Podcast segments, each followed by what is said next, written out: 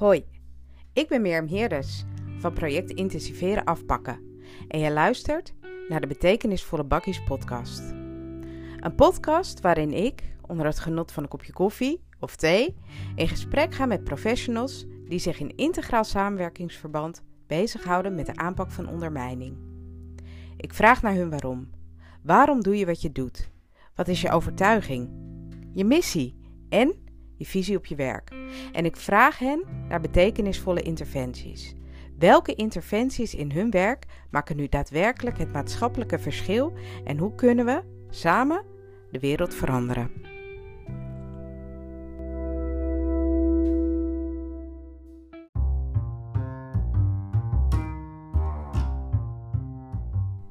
Welkom bij de tweede aflevering van Betekenisvolle Bakkies. In deze aflevering ga ik in gesprek met Desiree. Desiree is adviseur openbare orde en veiligheid bij de gemeente Beverwijk. Het geluid zal dit keer ook beter zijn, want we hebben een echte microfoon. Veel luisterplezier. Wat kan ik eh, voor je halen? Thee? Kopje thee. Ja, lekker. Je bent al heel lang uit op kantoor geweest. Echt al een jaar niet meer, denk Oh, ik. echt helemaal niks? Nee. Op een gegeven moment begin je zowat tegen je planten aan te praten. Ja. Omdat je denkt van ja, alleen maar alles digitaal. Ja, we merken gewoon ook dat het toch wel ook wel ehm, ja, dingen tegenhoudt. Creativiteit en zo. nou, dat En, zeker. eh, Als je even wil ja. brainstormen met Ja. elkaar, dan moet je gewoon met elkaar aan tafel zitten. En Ja. dan moet je niet, ja, dan is zo'n scherm eh, werkt tegen. ja, enorm. Het is een, een, een scherm is heel e- efficiënt. Daar kan je heel efficiënt mee vergaderen. Zeker. Want het gaat precies in dat uur. Ja, ik en dan het, is wat het... dat betreft is het echt top. Ja, maar je mist gewoon praatjes bij de, ja bij de koffiezetapparaat. koffiezetapparaat en de grapjes, zeg maar. En daarna ja, komen er toch altijd wel hele creatieve dingen Ja. waar, waar we verder mee kunnen.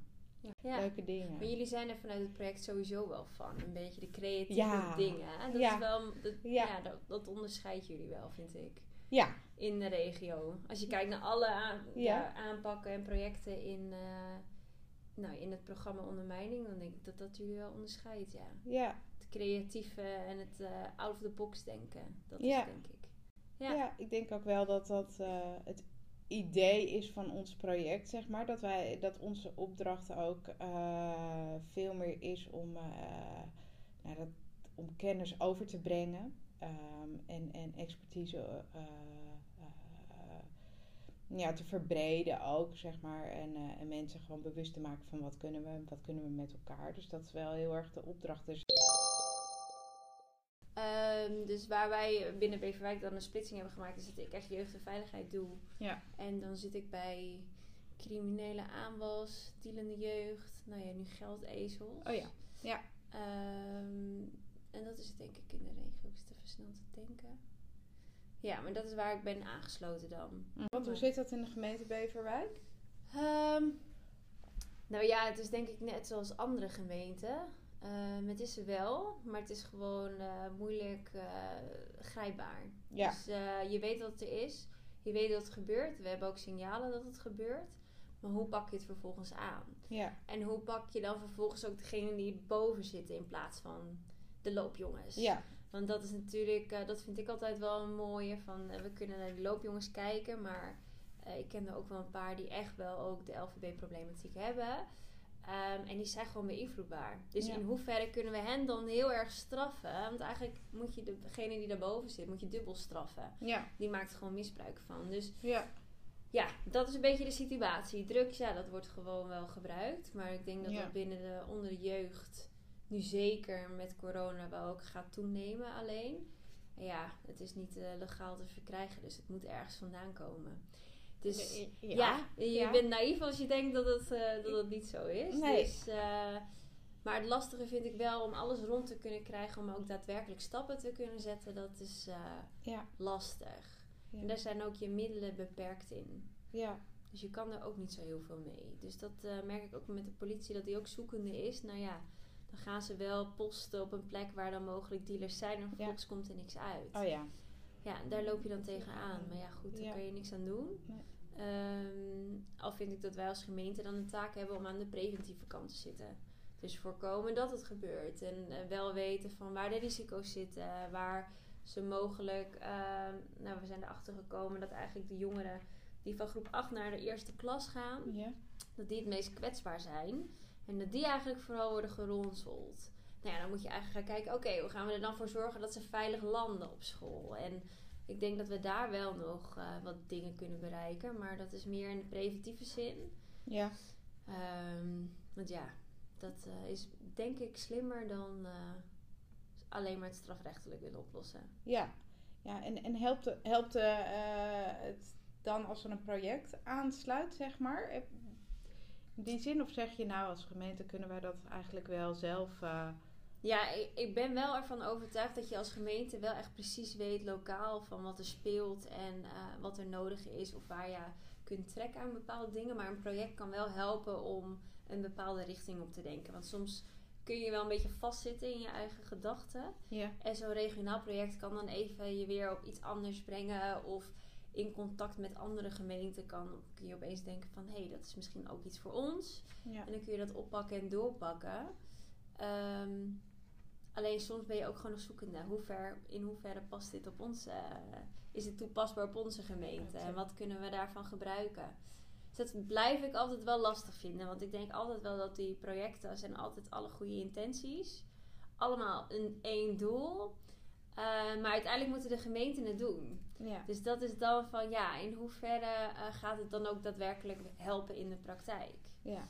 Ehm, dus dan is het ook gewoon meer dat ik dan ook kijk naar kosten, wat, het, wat er mee gepaard gaat voor Ja. dergelijke projecten. Ja. Kunnen we datzelfde geld niet ergens in steken dat we ook daadwerkelijke verandering kunnen brengen? Ja.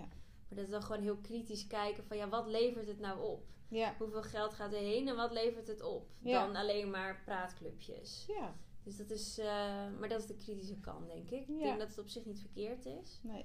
Anders zie of spreek je elkaar in de regio ook te weinig, denk ik. Ja. Nu hoor je nog van elkaar, want ik zit nu dan in Kennemerland. Maar als ik niet in zo'n project zit, dan weet ik niet wat er in Noord-Holland-Noord gebeurt, bijvoorbeeld. Terwijl dat net zo goed eigenlijk een blauwdruk kan zijn voor hoe het bij ons is. Ja. Ehm, dus dat is denk ik het grootste voordeel, die eh, informatiewisseling. Voor jou nou zeg maar, hè, eh, de kritische noot, die praatclubjes. Ja. Ja, herken, herken ik wel, zeg maar. Dat je, dat je niet verzandt in alleen maar praten over... we gaan de goede dingen doen. Ehm, want iedereen met de beste intentie. Ehm, wat is jouw idee daar, daarbij? Zeg maar? Ja, ik vind dat je moet overleggen. Het overleggen moet nut hebben. Dus je moet ergens naartoe gaan. Ja. Ehm, en wat ik wel eh, zie in de regio is dat we zoveel overlegtafels hebben. Dat, dat je eigenlijk één, het overzicht verdwijnt. Maar twee, je uiteindelijk ook heel veel dingen bespreekt op tafels. Terwijl je daar in de praktijk eigenlijk dan niks mee doet.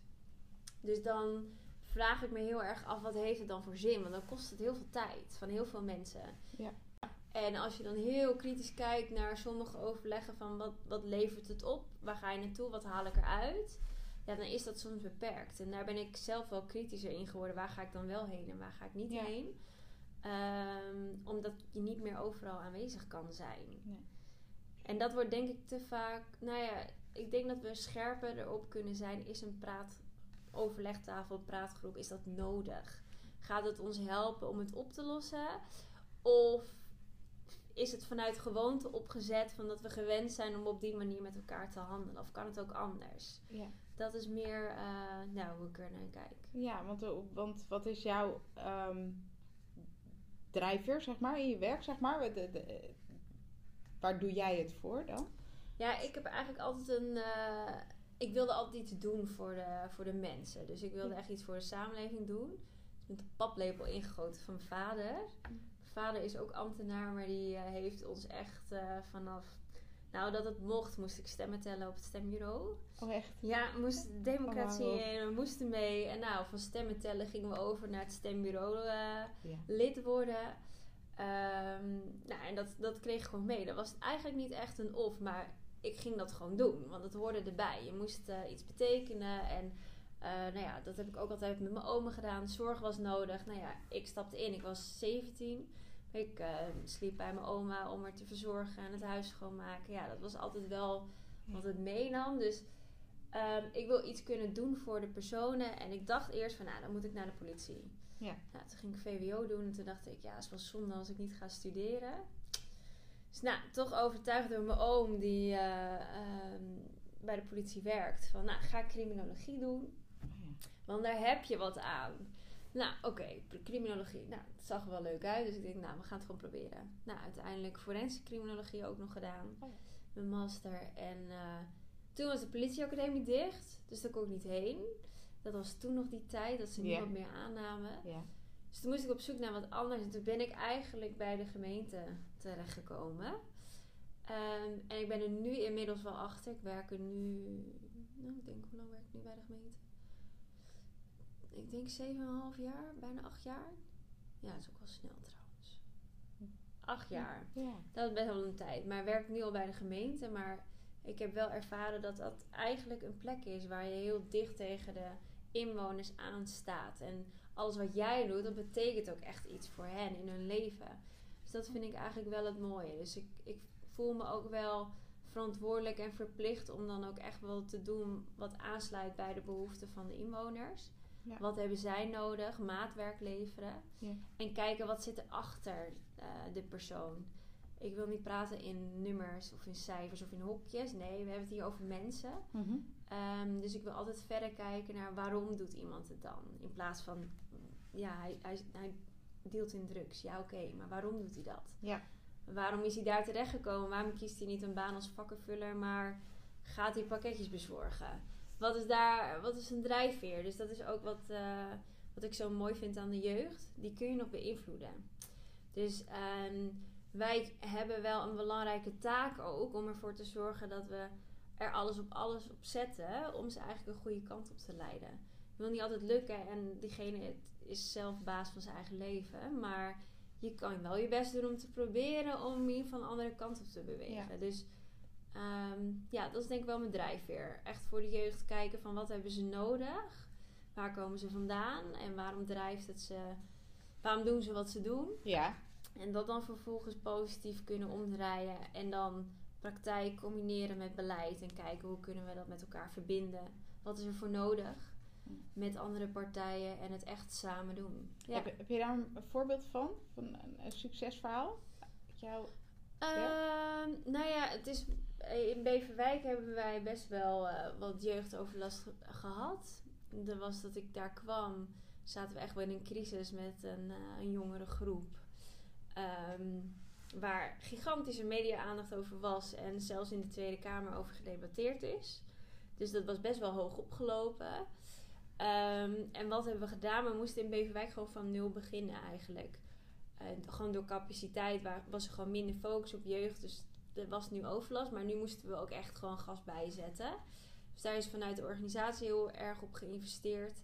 En zijn we een groepsaanpak ehm, begonnen. En daarnaast ook allemaal individuele lokale aanpakken begonnen. Dus eh, we hebben het losgetrokken vanuit het Veiligheidshuis.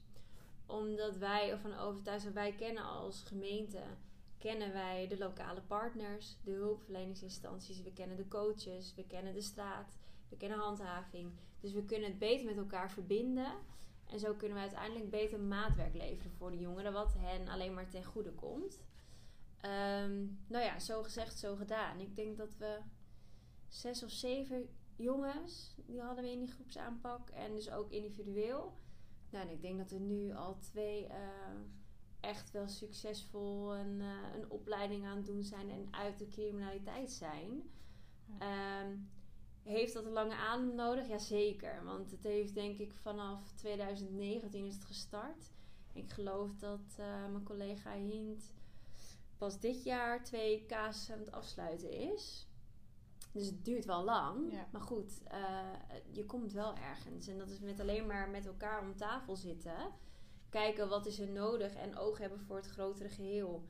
Dus in plaats van dat we handelen op een diefstal die hij weer had gepleegd. Of dat hij weer ergens voor was opgepakt. Kijken van, goh, hoe gaat het verder met hem? Hij is net begonnen met een, eh, met een dagbesteding en dat gaat daar hartstikke goed. Ja. Wat heeft het voor effect als wij hem nu extra weer gaan straffen of belasten? Ja. Ja, dat geeft alleen maar negativiteit. Dan houdt Ja. hij daar weer mee op. Ja. Maar we willen juist dat hij die positieve kant op gaat. Dus dan kiezen we ervoor om dan maar eventjes uh, low-key te spelen. Mits je het nog een keer doet, dan moet je natuurlijk wel. Maar je gaat alles een beetje met elkaar verbinden. Dus dat vind ik uh, nou ja, toch wel echt het succesverhaal. Ja, en is, is het dan ook zeg maar dat je achteraf gewoon ehm, ook, ook vasthoudt, zeg maar? Dus dat je in die zin zeg maar op het moment dat het, dat het goed gaat, hè, lijkt te gaan met zo iemand, dat je ook vast blijft houden en er eigenlijk naast blijft staan, om het zo maar te zeggen, om, om iemand... Ja, je gaat niet meteen, je laat het niet meteen los. Los, ja. Nee, maar er is niet echt een bepaalde periode waarin je zegt van, nou ja, zo lang blijf je aan iemand vastgeplakt. Uh, want diegene moet ook op zijn eigen benen staan. Ja. En die moet ook een kans krijgen. Want dat vind ik het ook vaak. Um, we zijn heel erg. Dat we het ook niet los durven te laten. Maar ze zijn baas van hun eigen leven. En ze maken zelf hun keuzes. Het is alleen aan ons de taak om ze te laten inzien. Welke gevolgen die keuzes hebben. En welke keuzes ze ook kunnen maken. Ja. Om ze dan hopelijk de goede kant op te, te helpen. Um, maar op het moment dat het goed gaat, denk ik dat we ze ook vertrouwen moeten geven. En ook het vertrouwen moeten geven dat ze zelf ook een andere kant op kunnen. En dat het ook uh, dat we in ze geloven. Want dat is vaak ook wel mis van. Er is natuurlijk een heel verhaal vaak achter uh, de voordeur en achter het verhaal van een, een jonge jongen die uh, drugs dealt. Ja. Um, nou, ik vind dat Tigo dat in zijn programma met Tigo in de jeugdcriminaliteit ook heel Ja. mooi laat zien. Er zit een heel verhaal achter. Op het moment dat jij geen eten hebt, wat ga je dan doen? Ja, als je al een week zonder eten zit, dan ga je vanzelf wel eten stelen. Ja. En als dat een beetje begint te lopen en je, uh, je begint door te hebben dat je uiteindelijk dan meer aanzien kan krijgen, ja, dan word je natuurlijk getriggerd. Zeker als jongeren die op zoek zijn naar hun identiteit. Wie ben ik? Waar sta ik voor? Uh, en bij wie hoor ik? Ja. Um, dus ik denk dat dat wel belangrijk is. Dat je ze het vertrouwen geeft, de geloof in ze. En dat je ze ook gewoon laat gaan. Ja.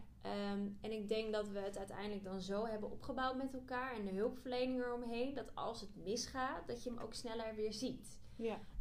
Um, want je hebt het sneller door. Ja. Ik wil niet zeggen dat er, succes, dat er niet nog een terugval kan komen. Tuurlijk kan dat.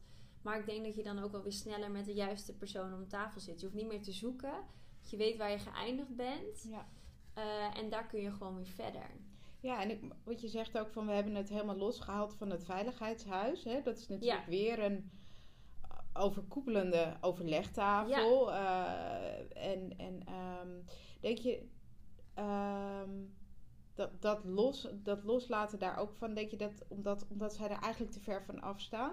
En, en als ik dan kijk naar die projecten, hebben die een te grote afstand tot wat er daadwerkelijk zeer lokaal speelt? Ja, dat denk ik wel. Um, het doet heel goed hun werk hoor. En qua procesregie zijn ze gewoon onmisbaar.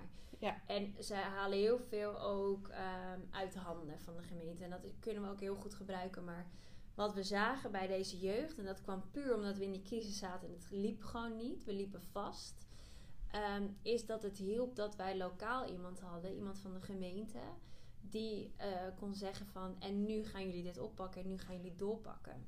Dus die eigenlijk de procesregierol op zich nam en gewoon de partners aansprak op hun taken en verantwoordelijkheden. En juist omdat je weet hoe Beverwijk in elkaar zit, welke partners er betrokken zijn, wie waar zit, je kent de straatnamen, je kent de buurten, je weet precies wat de achtergrond is. Dat maakt ook dat je makkelijker dat mee kan nemen. Want dat is bij, in Beverwijk heb je precies bepaalde wijken, waar het wat meer een achterstandswijk is. Als daar heel veel gebeurt, maar je hebt eigenlijk vanuit Haarlem geen idee wat daar afspeelt, dan kun je daar niet ook rekening mee houden. Maar je moet daar wel rekening mee houden. Ja. Want dat is toch een hele belangrijke factor in het geheel. En uiteindelijk wil je die allemaal met elkaar verbinden. Dus ik denk ook met die projecten heel goed, maar het is heel goed om hoog over te vliegen. Als je echt gaat inzoomen op elke gemeente, dan heeft elke gemeente weer iets anders nodig. Dus je, dus je zegt voor het succes, eigenlijk voor, voor aanpakken, um, heb je gewoon heel lokaal mensen nodig die echt kunnen verbinden met, met mensen in Ja. de wijk, met, met problematiek in de Ja. wijk. Ja, En dat ook heel, eh, dat lokaal ook kunnen wegzetten naar weer partners die daar ook lokaal aanwezig ja zijn. je hebt eigenlijk ook gewoon, het is ook gewoon weer mensenwerk. Dus je Ja. moet eigenlijk natuurlijk de eh, adviseurs moet je in de gemeente hebben zitten, die natuurlijk ook het algemene kunnen vertalen in het lokale. Ja. Dat heb je echt nodig. Maar dat is wel nodig om goede stappen te kunnen zetten. Ja. Ja, want jij weet lokaal hoe je dan kan aanhaken op wat er regionaal wordt aangeboden Ja. en waar de kansen liggen. Maar ja, je moet die kansen wel zien. Dus Ja. dat is dan weer afhankelijk van wie werkt er binnen welke gemeente en wat drijft diegene allemaal.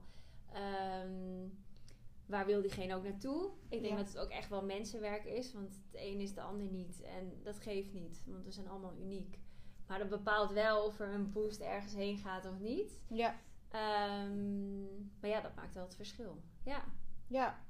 Vind je dat dan eh, waardevol, zeg maar? Dat, dat ook mensen, zeg maar, die eigenlijk nooit lokaal, zeg maar, met de voeten in de klei staan, Ja. toch daar wat over te zeggen hebben? Ja, ja vind ik wel. Eh, want dat, dat stelt je in staat om ook te verbinden en ook om te zien waar dan mogelijk een hiaat zit. Ja. Ehm, want op het moment dat jij geen idee hebt hoe een jongere op straat, hoe die denkt en hoe die voelt, op welke social media kanalen die zit, hoe die dat gebruikt, hij of zij, ehm, of wat een, eh, een jong meisje überhaupt denkt als ze 15 is, Ja. eh, hoe haar denkwereld is, als je je daar niet in kan verplaatsen, dan is het goed als je wel anderen hoort Ja. vertellen over hoe zo'n meisje zich kan voelen of een jongen. Ja. Ehm, dus ik denk dat je elkaar kan, ehm, nou eigenlijk ondersteunen en verrijken en verstevigen. Ja. Dus juist die combi heb je nodig. Ja. Want je hebt ook de, de papier nodig en wat ze zien in meldingen. Tuurlijk, dat is allemaal heel plat. Maar Ja. aan de andere kant moet je het koppelen met het gevoel om te weten van, goh, wat kunnen we er vervolgens mee? Dus juist die profielschetsen, dat maken dat het menselijk wordt. Ja. En zo kun je volgens mij het goed doorpakken en uiteindelijk in de praktijk ook voorkomen, hopelijk tegengaan of in ieder geval een aanpak creëren. Dat soort dingen, dat vind ik heel waardevol vanuit een regionaal project. Dat ze zoiets signaleren op ja, overkoepelende schaal, op eenheidsniveau. Ja. En dat ze denken, hé, hey, dit gaat wat worden. Want ook gezien de trends dat we meer op internet zijn gaan zitten, cybercrime ook aan het toenemen is. Ja. Van hé, hey, dit is nu het topje van de ijsberg, maar als we niet opletten, dan krijgen we hier meer van. Dus dat vind ik dan heel interessant. Dat je dat dan vanuit de regio krijgt, dat je daarop kan aanhaken. Ja. Ehm, en ook dat het dan heel praktisch ook wordt ingestoken. Ja. Dus eh, we gaan een project beginnen en we gaan eh, interventies bedenken. Je krijgt een interventiekaart en je kan kiezen wat past. Top. Dus je weet dan, eh, je hoeft niet bij nul te beginnen en je hoeft ook niet te denken met je handen in het haar van wat ga ik in hemelsnaam doen. Ehm, en we hoeven ook allemaal in de eenheid niet het wiel opnieuw uit te vinden. Dus we kunnen allemaal gewoon kiezen uit de aanpakken die werken. Wetenschappelijk gezien ook. Ehm, en daar kunnen we mee aan de slag. En dan denk ik ja, dat is alleen maar goed. Ja. Ook voor de politie, om het op dezelfde manier te doen. Ja. Niet allemaal maar weer een eigen, ja, eigen dingetje. Maar eh, ja. Ja, wel eenheid in de eenheid. ja, Ja. eenheid in de eenheid. Ja, mooi hè? Ja.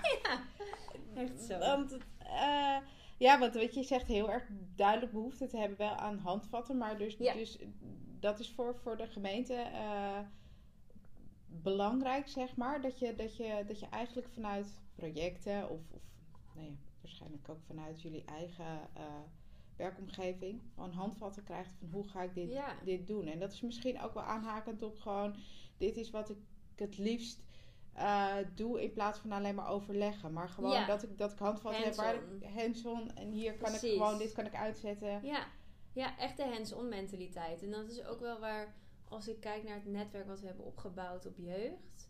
En dan denk ik aan de ketenpartners, politie, school, eh, jongerenwerk, eh, handhavers. Nou, alles wat er eigenlijk omheen draait. Die zoeken naar handvaten. Die zoeken naar een handelingswijze. Handelingsperspectief, handelwijze. Die willen weten van, god, hoe signaleer ik nou mensenhandel? Goh, hoe kan ik nou herkennen? Hoe kan ik het nou aanvoelen als een meisje in de uitbuiting terechtkomt? Hoe kan ik haar behoeden dan? Hoe kan ik haar aan de voorkant eruit halen? Ehm, er is zoveel informatie te vinden. Ja. Alleen omdat we zo hard aan het rennen zijn altijd, vergeten we die informatie te benutten en om te zetten in eigenlijk iets heel praktisch. Ja. En juist dat praktische, dat helpt volgens mij heel erg om het uiteindelijk te kunnen aanpakken. Eh, want dat merk ik ook wel ehm, ja, in de overleggen, dat je af en toe wel eh, mensen hoort praten. Dat ik denk, oef, dat is wel echt heel erg vanuit je eigen visie en vanuit je eigen gedachten. Maar je houdt geen rekening mee met de persoon in kwestie. Eh, en dat maakt het lastig. Want eh, ja, iemand die eh, wat jij bedenkt of wat jij voelt, hoeft niet ook voor een ander zo te gelden. En we moeten niet onze wereld gaan opleggen voor een ander. Maar je moet leren elkaar te begrijpen. Dus je moet leren waarom iemand iets doet. Je hoeft het niet mee eens te zijn, maar je moet wel leren begrijpen. Dat is ook wel vanuit mijn, mijn studie heel erg zo. Dus je gaat zoeken naar het waarom. Waarom Ja. doet iemand iets? En ik vind wel als jij ehm, verantwoordelijk voor een bepaalde doelgroep bent, dan moet je wel niet doelgroep verplaatsen. Het heeft geen zin als ik net alsof doe dat ik niet weet wat TikTok is. Of dat ik geen idee heb wat ze op Instagram allemaal doen. Ja.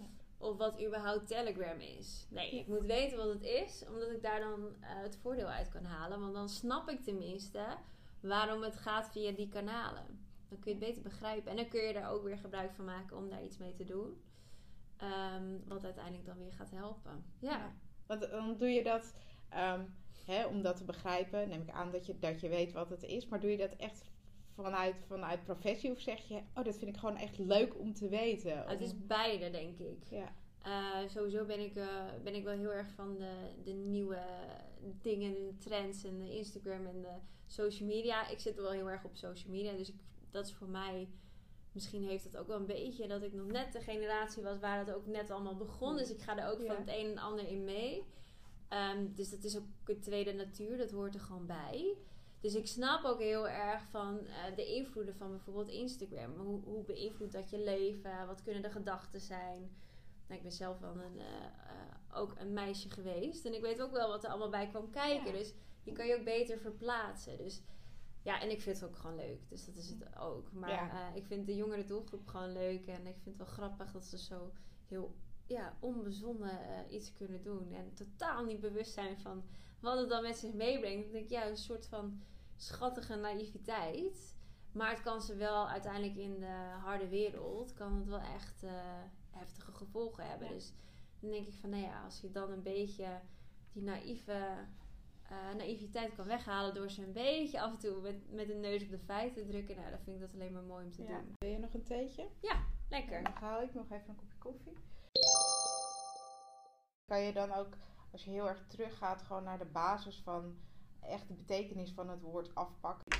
Heb je dan het idee van, oh ja, dan, dan zie ik wel de verbreding en de mogelijkheid van, van gemeente Nee, dat vind ik dus echt heel lastig Ja? daarin. Ja, dat merk ik wel heel erg. Want ik denk van ja, afpakken, afpakken. Maar dat is misschien dan ook mijn eigen doel als ik kijk naar hoe ik naar de casuïstiek kijk. Dat ik denk van nee, ik, ik ben juist op zoek naar dingen die ik kan geven en kan doen. Om ervoor te zorgen dat het diegene gaat helpen. Ja. Dus ik ben niet echt in een modus waarin ik kijk van wat kan ik afpakken om ervoor te zorgen dat hij getriggerd wordt. Nee, wat kunnen wij doen om ervoor te zorgen dat hij vooruit komt. Ja. Ehm, Ja. Dus het is misschien ook een ander perspectief of zo, dat ik het daarom niet zie. Maar dat vind ik dus wel het moeilijkste van het hele afpakken. ja. Dat ik er gewoon niet op kan komen wat we zouden kunnen.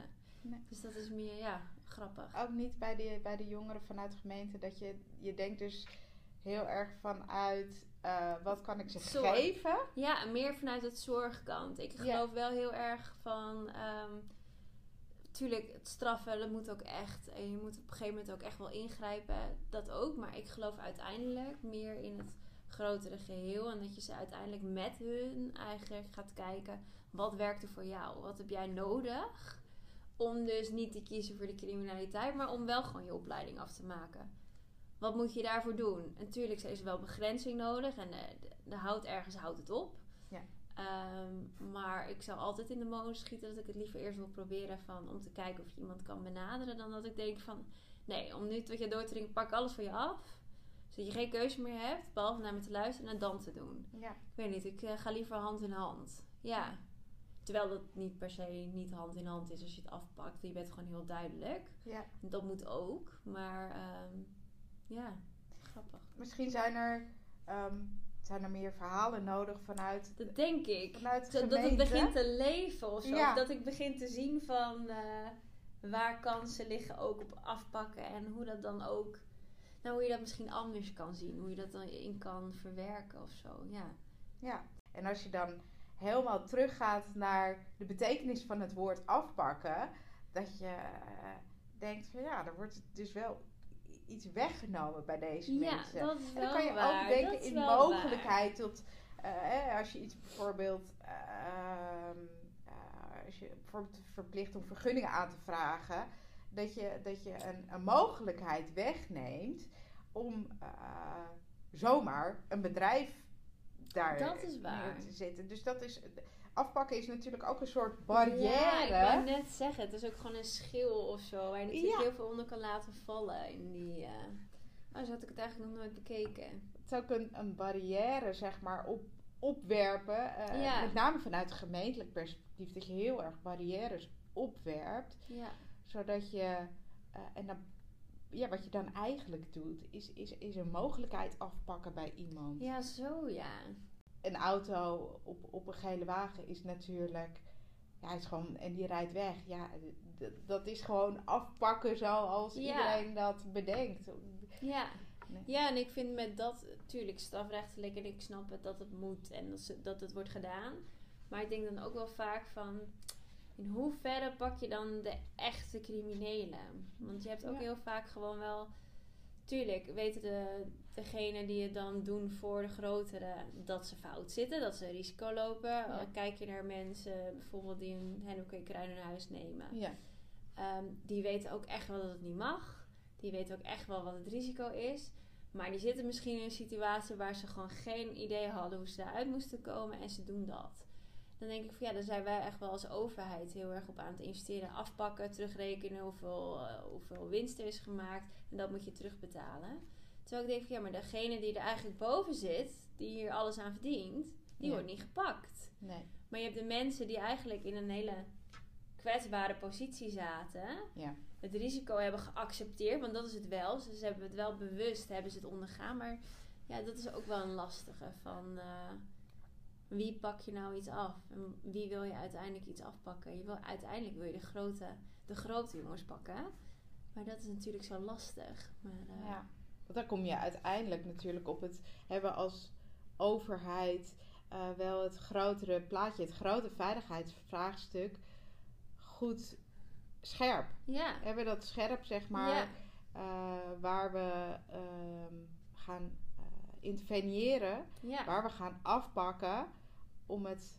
Ja, ja en dat is hetzelfde veilig. ook met de geldezels dan. Eh, eh, die jongeren, op het moment dat je geldezel bent, dan wordt je bankrekening afgepakt. Ja. Je kan acht jaar lang kun je geen bankrekening meer in Nederland krijgen. Maar wie heb je daarmee? De jongeren uiteindelijk. Die zich, misschien, die zich waarschijnlijk, gewoon qua leeftijd gezien, echt niet bewust van dat het überhaupt kon gebeuren. Ehm, maar degene daarboven, die pak je niet. Nee. Terwijl je die moet aanpakken, omdat die zoveel misbruik maakt van allegenen die er nog daarna gaan komen. En dan denk ik, dan is het een hele zware maatregel die je neemt als bank. Eh, ik begrijp hem, ik snap het. Maar zo'n jongere is acht jaar lang getekend en die komt met allerlei dingen in problemen omdat hij geen rekening heeft. Nee. Ehm, dus dan denk ik van ja, wat doen we dan met een maatregel? We helpen die jongeren dan in kwestie, helpen we zeker niet. We zorgen alleen maar dat hij verder afglijdt. Ehm, dus dan denk ik van ja, soms moeten we daar wel wat meer oog voor hebben inderdaad. Van wie willen we nou iets afpakken? Dat moeten we goed in, in het oog houden om te kunnen weten van welke aanpak is er dan nodig. Ja. Of wat moeten we misschien doen, maar wat moeten we misschien nog even iets meer doen. Ja. Ja. Is dat, ehm, vind jij dat lastig om, om eh, bijvoorbeeld ook binnen jouw gem- gemeente, zeg maar, om dat goed duidelijk te krijgen? Van waar kijken we nou eigenlijk naar? Kijken we nou naar de geldezels? Dus zetten we daar onze interventies op in, eh, op die jongeren, die eigenlijk misschien toch wat kwetsbaar zijn? Ja. Of, of ehm, proberen we naar boven te gaan, zeg maar, naar de criminaliteit die daarboven is? Ja, dat probeer ik wel altijd te doen. Ja. Omdat ik ook wel naar de andere kant probeer te kijken. Van eh, eh, bijvoorbeeld, ehm, als je het hebt over seksuele uitbuiting van meisjes. Ja. Vaak zijn ze eerst slachtoffer en daarna komen we ze tegen met het ronselen van andere meisjes. Nou kan ik ze heel erg veroordelen van het ronselen en dat het natuurlijk crimineel is en dat het natuurlijk ook hele erge dingen erachter zitten. Mhm. Maar uiteindelijk begon het met een kwetsbaarheid en die slachtofferschap. Ja. Ehm, dus je moet het wel eh, in een breder plaatje bekijken. Wil je snappen of begrijpen hoe ze zich heeft, door heeft kunnen ontwikkelen als ronselaar. Ja. En het nu andere meisjes aandoet. Want dat is eigenlijk wat het is. Moet het ongestraft blijven? Nee. Maar je moet wel rekening houden met het hele verhaal wat erachter zit. Dus maar op het afpakken te houden, de- de- de- de- denk je dat dat echt effect heeft, zeg maar. Dat dat een maatregel is die, die, die zorgt voor het herstel. Want uiteindelijk is. En, en de boodschap, hè, de, de boodschap van het, van het afpakken is van misdaad mag niet lonen. Ja. Dus alles wat jij. We gaan het weer terugbrengen, herstellen naar hoe het ooit was. Voordat jij deze Ja. misdaad, deze criminaliteit Ja. daarmee begon. Denk je dat, dat die boodschap daarmee dat uitstraalt? Nou, ik vraag dat me dus af. Want we weten dat het gebeurt. We weten dat het risico daarin zit. Maar toch zijn er mensen die het doen. Die het risico accepteren. En dan denk ik van ja, dan heeft die boodschap blijkbaar ook niet genoeg een afschrikkingseffect. Waardoor het mensen weerhoudt.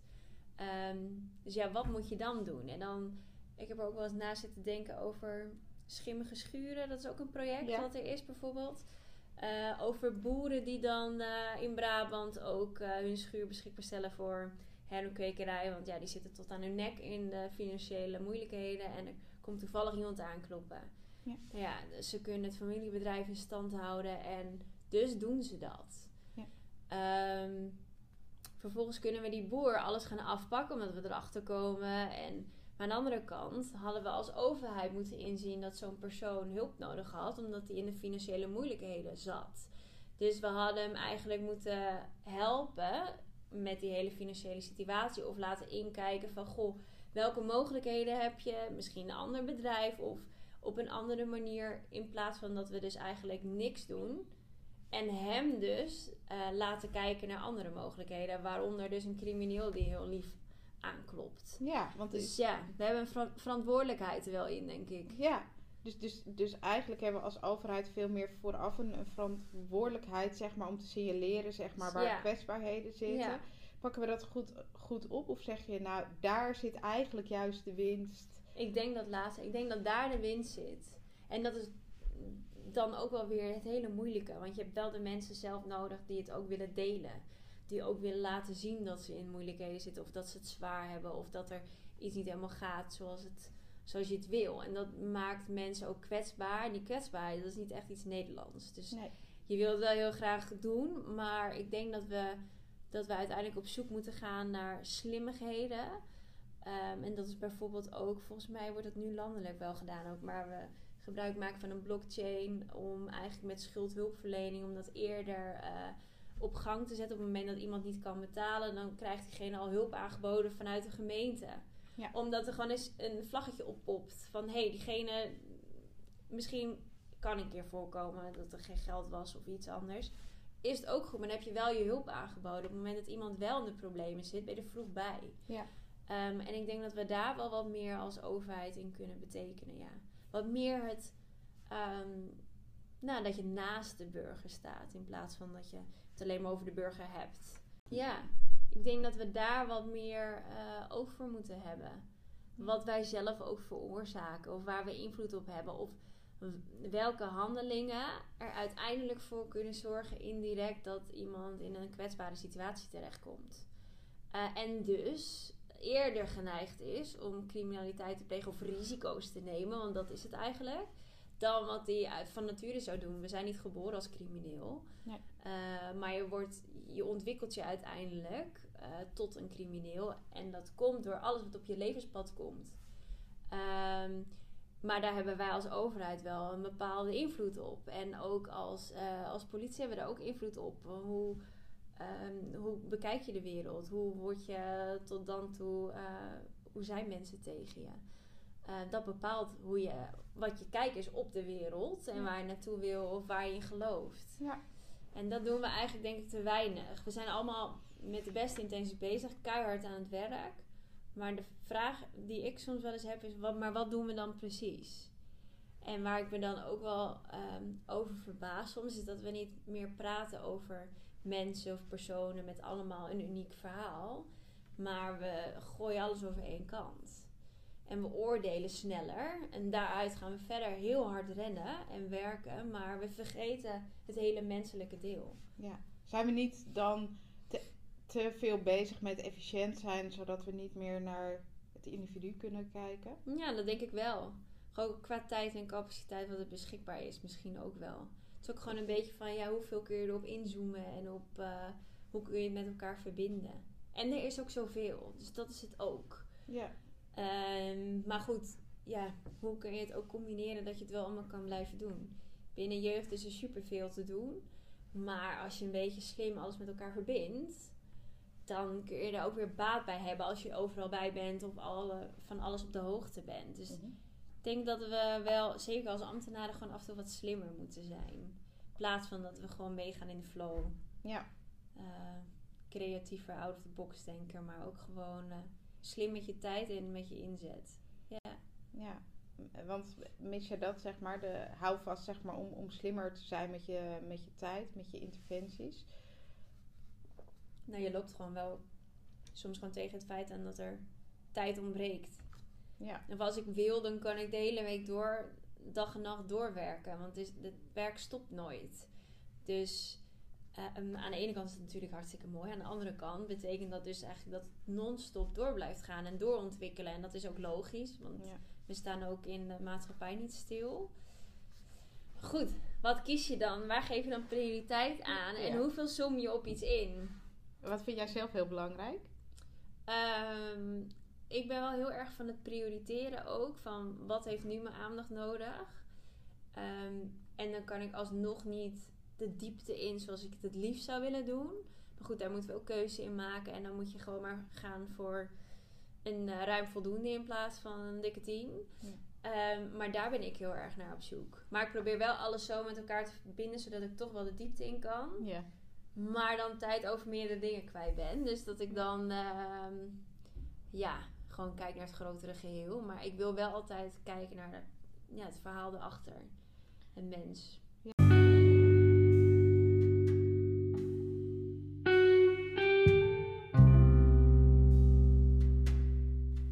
Je luisterde naar weer de tweede aflevering van de Betekenisvolle Bakkies podcast, waarin ik in gesprek ging met Desiree van gemeente Beverwijk. Vond je het leuk en wil je ons blijven volgen? Abonneer je dan op onze podcast Betekenisvolle Bakkies.